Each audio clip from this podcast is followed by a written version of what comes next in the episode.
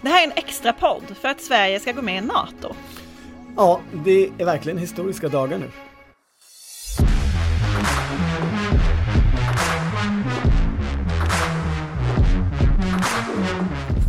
Det här är politiken med, eh, vad heter de nu? Två våningar ner här i riksdagshuset pågår debatten om NATO, den som till slut blev av. Magdalena Andersson har inlett och Ulf Kristersson har fortsatt. Mm. Jimmy Åkesson har också pratat. Det pågår just nu, men vi var tvungna att springa iväg och spela in podden. Det är en väldigt lång debatt, eh, långa anföranden. Ja, det är en, En- allvars, allvarsdag det här. Ännu så länge kanske inget som har överraskat direkt i debatten. Men Fast det är ju det den inte- här, jag vill ändå, du ska få komma in, men Ja. jag vill ändå säga att det är den här historiska, känslor, alltså de här dagarna i riksdagshuset. Det finns ändå inget som dem, tycker jag. När alla vet att idag händer det något som vi kommer prata om i decennier framöver. Det är mycket folk, folk är uppklädda, alla journalister trängs, det är svettigt. Det är som ett stort mingel i kammarfoajén. Jag tyckte det mest spännande i debatten, om jag bara fick säga det. Om du vill prata innehåll. Ja, alltså det, det är, du har ju rätt. Det är ju verkligen speciell stämning. Ännu mer så blir det ju speciell konstig stämning. Alltså, Magdalena Andersson gick ju upp och försökte vara statsman. Ulf Kristersson gick upp och försökte vara statsman. Och sen kom Jimmy Åkesson och höll ett anförande om sitt parti. Mm. Alltså den här, den här presskonferensen som Socialdemokraterna hade igår om att nu har vi bestämt oss. Den tog ju han i kammaren här i riksdagen. Vi har haft en process sen, ja, vid nyår någon gång. Lite oklart när processen i Sverigedemokraterna Ja, men- började enligt partiledaren. Och nu är den avslutad idag. de tog också beslut igår tror jag det var, eller sa han idag? Ja, tror att, jag uppfattar att han sa eh, idag. Ja, eh, deras VU tog beslut i alla fall. Det var ingen som häckade utanför det. Nej, det är ju, det är ju, det är ju ändå en påminnelse om vilka partier som betyder någonting i de skarpa situationerna och vilka som inte gör det. Ja. Sverigedemokraterna har, sett till sin storlek och sin faktiskt potentiellt avgörande roll för majoritetsbildningen i den här frågan, ju har hamnat otroligt i skymundan. Ja, men det var ju för att de gjorde ju det som Socialdemokraterna inte gjorde. De gick ju väldigt tydligt ut och sa så här, vi kommer ändra oss om Finland ändrar sig. Om det finns skäl till det så kommer vi ändra oss. Absolut. Medan Socialdemokraterna har hållit på med sin, sitt skådespel och sin process. De Så att- kanske heller inte ville vara i strålkastarljuset. Men jag, jag, nej, för jag tror att det här har varit svårt i Sverigedemokraterna också. Men jag vill ändå framhålla att det, alltså, de andra hade ju redan ändrat sig. De borgerliga partierna har ju hållit på med det här i, i decennier. Annars hade ju de också behövt ändra sig. Det, häng, allt hänger ju inte på S och SD menar jag. Nej, Men när jag minglade i kammarfoajén så stötte jag på en person som jag blev lite överraskad av att se. Mhm. Carl Schlüter, miljöpartisten, eller tidigare miljöpartisten, förlåt, han hoppade ju av och startade det nya partiet Vändpunkt. Idag jobbar han på Greenpeace, fast han är föräldraledig, eller ska gå på föräldraledighet nu. Han har eh, barn ihop med Rebecca Lemoine som är miljöpartistisk riksdagsledamot. Där, så att han kom gående i kammarfoajén med bebisen och eh, jag frågade hur mår du idag, Carl? För Carl Schlüter har ju, är ju en eh, fredsperson. Han ja, jag är skulle just ju- fråga dig, har, har partiet Vändpunkt någon ståndpunkt i jag NATO-frågan? tror, jag, jag tror Carl jobbar inte längre, eller han eh, har lämnat Vändpunkt, jag. eller han är, är inte aktiv där. Jag vet inte, lite osäker på status för Vändpunkt just nu. Men Carl Schlüter gillar inte NATO. när man tog värdlandsavtalet med NATO medan regeringen satt, Miljöpartiet satt i regering, då 2016. var Carl Schlüter en av dem som röstade emot. Mhm. Och det där var ju en väldigt uppslitande fråga i partiet då, de var fyra personer som röstade emot. Just det. Ehm, och det gjorde ju honom impopulär hos ledningen. Han, Ehm, han är fundisarnas fundis. Idag sa, frågade jag hur han mår och då sa han, man tänker ju på hennes framtid och visade på sitt barn. Och sen så sa han, pratade han om kärnvapenfrågan och att eh, nu när fler och fler länder går in under kärnvapenparaplyerna så kommer det bli svårare att rusta ner. När jag såg i, i, skym, i, i ögonvrån dig prata med honom där i, i- kammarfoajén, då kände jag att det här är ju en, en briljant miljöpartistisk protestinstallation. Alltså en slags sit-in. Eh, Schlüter med bebisen, Ja, han var visst. skäggig och också alldeles... och rutig skjorta. Ja. Ja. Men det, så medvetet var det inte uppfattade Eh, du? alltså jag tror att barnet behövde amma. Det var det som var saken. Men, men, Praktiska men, omständigheter. men om Carl Schlüter kan man ju säga att han har aldrig hållit sig undan vid den här typen av liksom tillfällen. Det är han inte känd för. Men eh, det var idag, men hur var det igår? För du var ju en av de som häckade utanför 68 igår. Eh, Jag, jag satt på ABF mitt emot. Jag, svårt att stå. Blir trött i benen, gammal. Men eh, det, var, det var ju mycket folk igår och det var ju framförallt jag, jag pratade med vår kollega Per Karlsson om det, han var också där. Det fanns ju ett antal år för ett decennium sedan när all känsla av att eh, Socialdemokraterna är solen som svensk politik kretsar kring, att eh, det finns eller har funnits någon slags enpartistat, någon sossestat, när allt det liksom var borta. När det här var ett parti som bara rutschade ut för på rutschkanan ner mot botten som man ingen såg liksom slutet på. Igår kändes det så otroligt långt bort. Igår var det ju som att man, det var 1985 och vad som än hände i Sverige så riktades alla människors blickar på det här partiet. Oavsett om de är tvingade till att säga ja till NATO, oavsett om de vill det eller inte. Det är ändå de som bestämmer. Mm. Man kände ju en viss De trivs förståelse. ju väldigt bra just nu. Ja det tror jag de gör i det där, för det är någon slags ny gammal frälsningskänsla av att oj oj oj vad vi är viktiga. Det, alltså man förstår ju, det här är ju så de vill ha det. Alltså de stora, stora konflikterna kom ju ändå under oppositionsåren. Då hade, Ja. då hade de ju djup identitetskris. Ja. Nu känner de sig hemma. Men det borde ju också, jag tänker att det borde verkligen finnas en, en allmänborgerlig frustration över den här utvecklingen där Socialdemokraterna liksom tillåts vara så här viktiga. Men Ulf Kristersson eh, är ju väldigt skicklig på att inte visa den just nu. Mm. Han är ju verkligen den som eh, går upp och säger bra att vi har kunnat enas om detta. Han röker fredspipa. backar upp. Och det Ja. är ju, eh, han hade ju kunnat vara lite mer självgod om han hade velat. I det På, här I sina läget. sociala mediekampanjer försöker de med det lite mer. Vi har varit för Men det är här inte han själv, det jättelänge är, det är ju partiet. Alltså jag menar herregud, hans folk är ju självgoda, men inte han. Men eh, berätta, hur var stämningen där sen då på pressträffen? Eh, det, det var ju en, en allvarsam stämning, ungefär som i, i riksdagsdebatten idag. Det, det roligaste tyckte jag var liksom när eh, partisekreterare Baudin och utrikesminister och eh, försvarsminister i inledningen av presskonferensen stod liksom inklämda i varsitt hörn för att verkligen ge plats åt Magdalena Andersson och att hon skulle stå fullständigt i, i ljuset. Sen var det ju, det var ju mycket utländsk press, det var, det var ju stort helt enkelt. Men jag tänkte på en sak när jag lyssnade, för jag var på 68 tidigare i veckan och träffade Margot Wallström och gjorde Mm. en intervju med henne. Och hon har ju verkligen varit central i den interna processen. Mm. Eh, en, av, en av de som har varit viktig för att få partiet att ställa upp på det här. Ja. Hon gick ju väldigt tidigt ut och signalerade att vi kommer behöva ompröva och man måste gå Finlands väg. Och Magdalena Andersson tackade ju Margot Wallström. Tänkte du på det? Nej, det hann jag aldrig riktigt, det, det missade jag. Ja, men för att hon nämnde ju nämligen Stockholmsinitiativet. Ja. Och så sa hon också Stockholmsinitiativet som eh, grundades av Margot Wallström.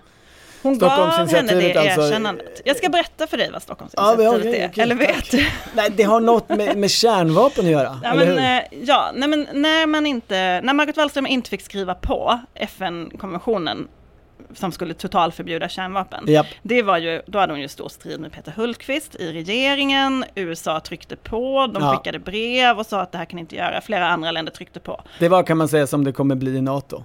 Skulle NATO-kritiker hävda. Säg, hävdar Margot Wallström i alla fall, det sa Japp. hon i min intervju. Men då startade hon istället Stockholmsinitiativet. Hon svängde om och det var, det är en sammanslutning av 16 länder som tillsammans arbetar för att ta fram förslag för att göra eh, nedrustningsavtalet eller icke-spridningsavtalet spetsigare och, och ja, att man ska komma framåt den vägen istället. Och det här finns fortfarande och det leds av eh, Ann Linde idag. De håller på att samla ihop sig inför höstens översynskonferens, om nu den blir av i Mhm. augusti. Den har skjutits upp tidigare på grund av pandemin. nu vet man väl kanske inte riktigt hur läget är i världen. Nej. Ryssland måste ju vara med på de här förhandlingarna. Men eh, det var intressant bara tyckte jag att hon lyfte det och att hon så tydligt creddade Margot Wallström. Det är nog så nära ett tack för hjälpen som man kan komma. Ja, för man kan ju, man har ju lite under den här processen frågat sig vad har liksom Margot Wallström för skäl att, att göra det här grovjobbet och att eh, partiledningen, hon har slutat i politiken, hon har, eh, ja men en stor del av hennes be, beundrare är ju också, och har kanske, och är fortfarande, NATO-kritiker. Varför ska hon smutsa ner sitt eftermäle med, med att stå och resa runt i Sverige och sälja in NATO? Ja, men det var intressant när jag intervjuade henne så sa hon att alltså, allting hon faktiskt sa konkret om hur NATO kommer påverka var ju egentligen negativt. Alltså hon lyfte bara kritik i synen på då kärnvapen till exempel. Eh, men också relationen till USA, hur mycket Sverige, liksom, makt andra länder kommer få över Sverige, eller framförallt USA. Och hon sa egentligen inget positivt. Men hon sa ändå att det finns inget alternativ. Vi måste göra det här. Och nu kan vi inte sitta och sura och blicka tillbaka, utan nu får vi göra detta. Ungefär Och det, så. hon hänvisar ju det helt och hållet till Finland. Ja, och ungefär så lät ju Magdalena Andersson här i riksdagsdebatten eh, idag att det, det kommer först ett skäl som är allmänt formulerat och sen kommer skälet eh, vi har ett, ett nära sam- försvarssamarbete med Finland. Om Finland kommer vända sig mer mot NATO som medlem så eh, kan vi inte få ett starkare försvar i en tid när vi behöver förstärka försvaret. Så då, då handlar det ju egentligen om, om Finland till nästan 100 procent. Det andra som man noterade under gårdagen var ju när eh, pressmeddelandet kom. De skickade ut ett pressmeddelande före presskonferensen. Ja. Då publicerade tidningen Dagens Nyheter direkt en fördjupande intervju med försvarsministern.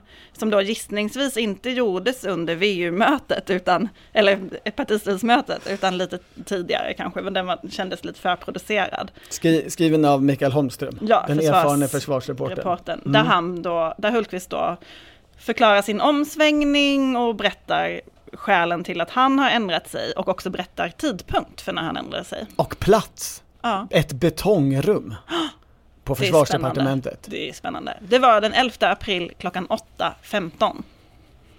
I ett morgonmöte. Kan man säga något om det datumet? Eller kan du säga något Ja, om det, var ju, det- det, det var ju en måndag och det var väl då de satte igång partidialogen. Så i sådana fall så ja, bestämde sig ju Hultqvist när partidialogen satte igång.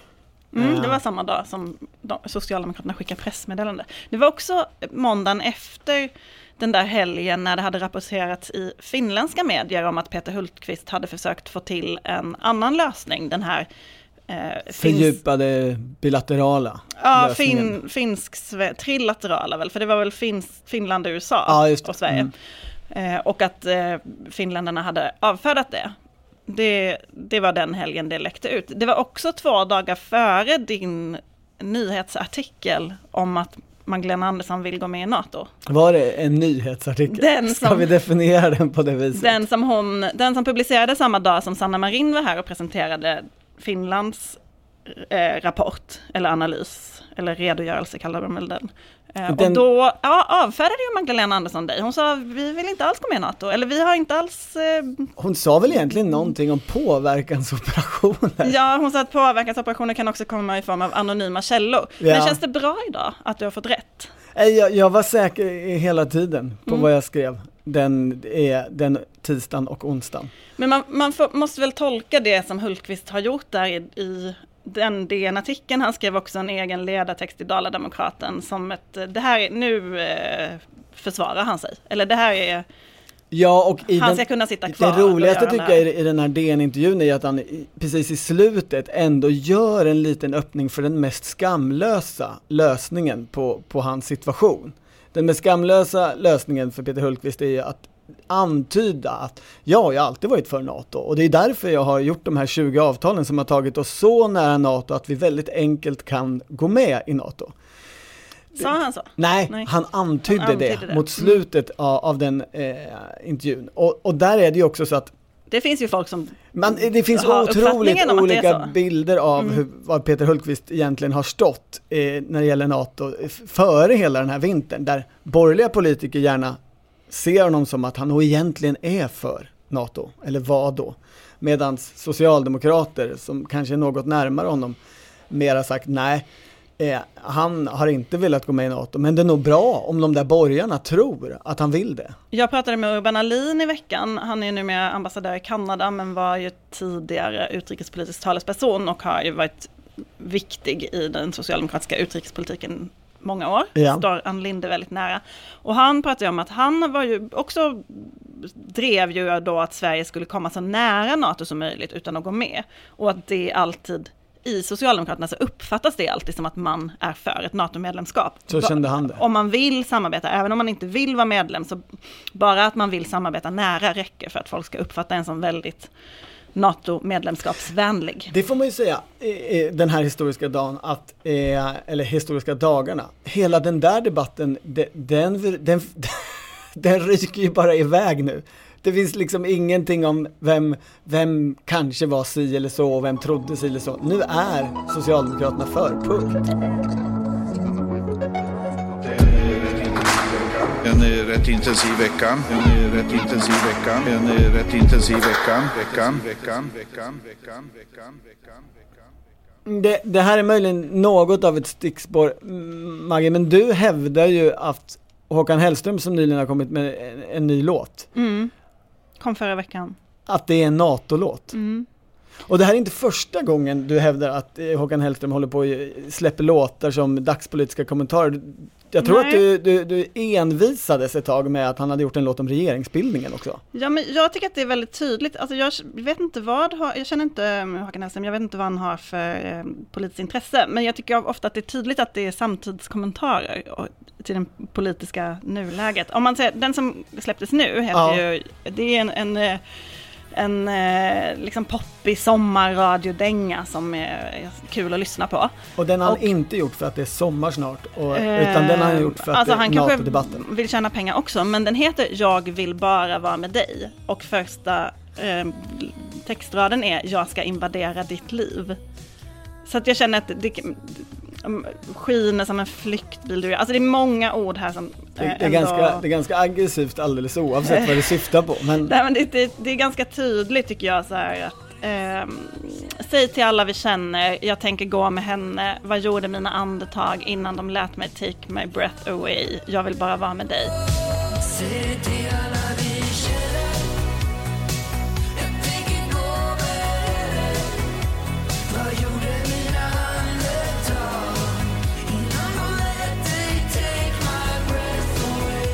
Alltså det är ju, en, det är ju ett avsked. Man säger hej då till någonting som har varit och så går man in i någonting nytt. Och så är det ordet invaderat. Du tycker inte det är jättetydligt? du, du säger hej då till allianslösheten, Ja. eller alliansfriheten. Eh, Och- 200 år. Eh, Ja men okej, eh, vi, vi låt oss anta att den här låten faktiskt handlar om NATO och inte om svensk sommar. Men du hävdade ju också att han hade gjort en låt om regeringsbildningen. Ja men den tycker jag faktiskt är tydligare. För den kom ju 2018 precis eh, när man kände så här, det här kommer aldrig, det kommer aldrig bli klart. Vi, Sverige kommer aldrig få en regering. Och den hette Vänta tills våren. Och den innehöll också många kodord. Alltså till exempel. Jag visste att de visste att jag visste att vi var på fel väg. Men vi bara fortsatte, vi skulle hela vägen in i kaklet, sjunger han. Och det var ju Ulf Kristerssons tagline under regeringsbildningen. Jag ska ända in i kaklet. Jag tänker liksom försöka bli statsminister ända in i kaklet. Men att, men att Ulf Kristersson var på fel väg. Ja, alltså det, det här är som det- att han är Ulf Kristersson tänker du? Eh, Den kan man, man kan tolka den, alltså inte fel väg moraliskt, utan det här kommer aldrig gå. Ah, men okej. Ulf måste ändå göra det. finns en ännu tydligare ähm, vers tycker jag. Colombia Cleopatra was talking voodoo, guld och algebra Orden ville bli påve i Colombia. Kleopatra, Ja, Annie Lööf, ja okej. was taking voodoo, guld och al- algebra. Okej, lyssna nu. Min högra hand sträckte sig mot solen, min vänstra lyftade tillbaks till jorden. Alltså det är, förstår du, det är Annis val han skildrar. Kleopatra måste bestämma sig. Det, det jag ville kontrollera först var, var eh, Ulf Kristersson är alltså Oden. Nej men, alltså, Jag har läst litteraturvetenskap, så jag skulle det ändå vilja säga jag. att jag är bra på textanalys. Ah, nu vet okej. jag att Victor Malm lyssnar på den här podden, Expressens nya kulturchef, så jag blir det. lite nervös när jag säger detta. Men jag är ganska säker på att man kan tolka det så som jag precis gjorde. Högra hand sträckte sig mot solen vänstra viftade tillbaks till jorden. Jag har läst en, en annan intressant text. Ja. Inte skriven av någon popstjärna utan Carl Bildt. Mm. Sveriges tidigare statsminister och Och utrikesminister. utrikesminister. Mm. Han har bloggat. Han har ju fortfarande blogg. Det, det, Det är mysigt. Han var tidig med internet. Japp, och sen Mm. på något sätt. Eh, men eh, han skrev ett långt inlägg igår om, eh, ja, där han verkligen gav Socialdemokraterna credit och, och ganska gemensam historieskrivning om vägen till den här, eh, det här historiska beslutet. Framför allt så, var, så uppehöll han sig vid Kalmarunionen.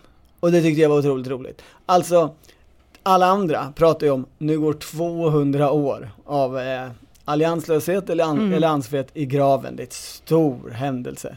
Men Carl Bildt, han tycker att man behöver ta i mer än så. Kan du förklara hur han resonerar? Jo, han menar ju att det är 600 år sedan det fanns en nordisk enighet i Östersjöregionen. Det har inte funnits sedan Kalmarunionen eh, existerade, alltså eh, d- drottning Margareta, visst hette hon så, eh, precis som du, eh, styrde över Sverige, Danmark och Norge. Och då där östra rikshalvan väl ingick, delar av i alla fall.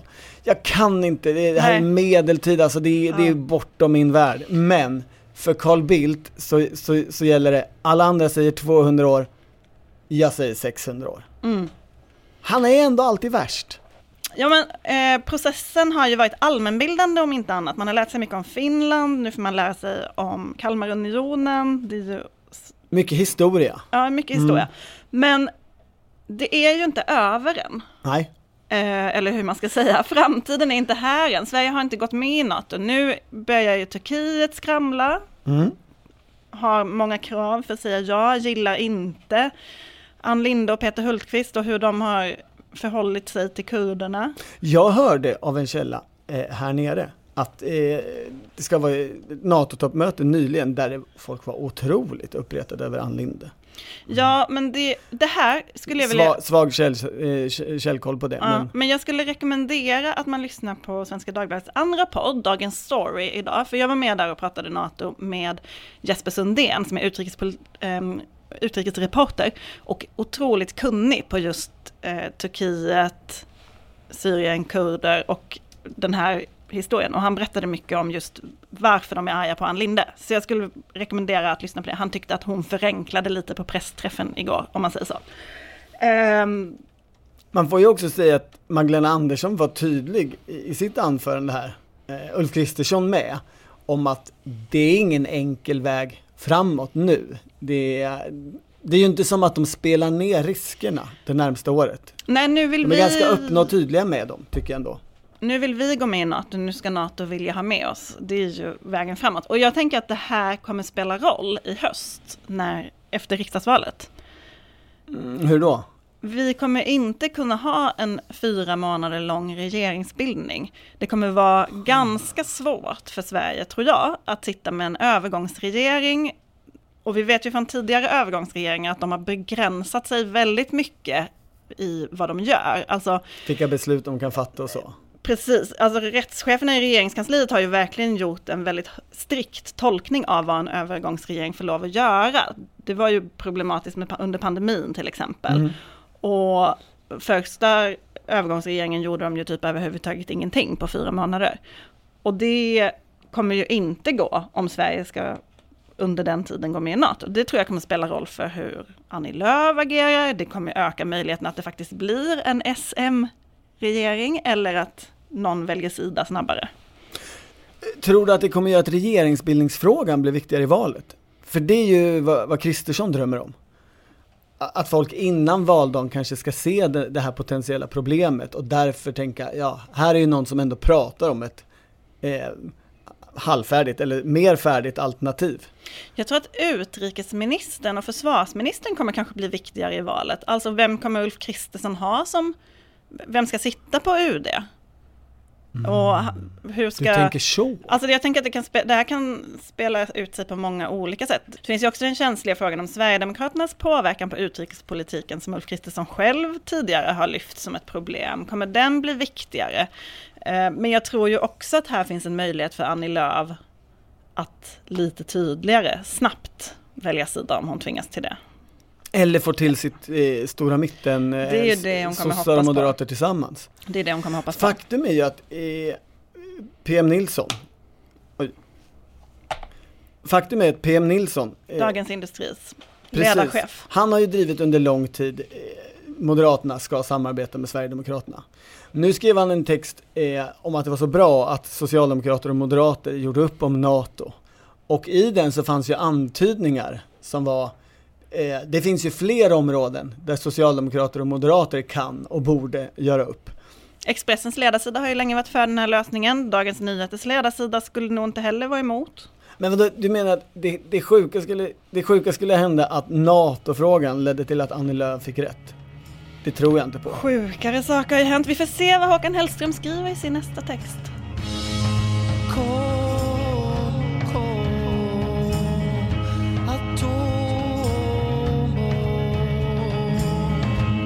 Du har lyssnat på Politiken, en podd från Svenska Dagbladet. Producent var Martina Pierrot. Ansvarig utgivare Anna Kareborg.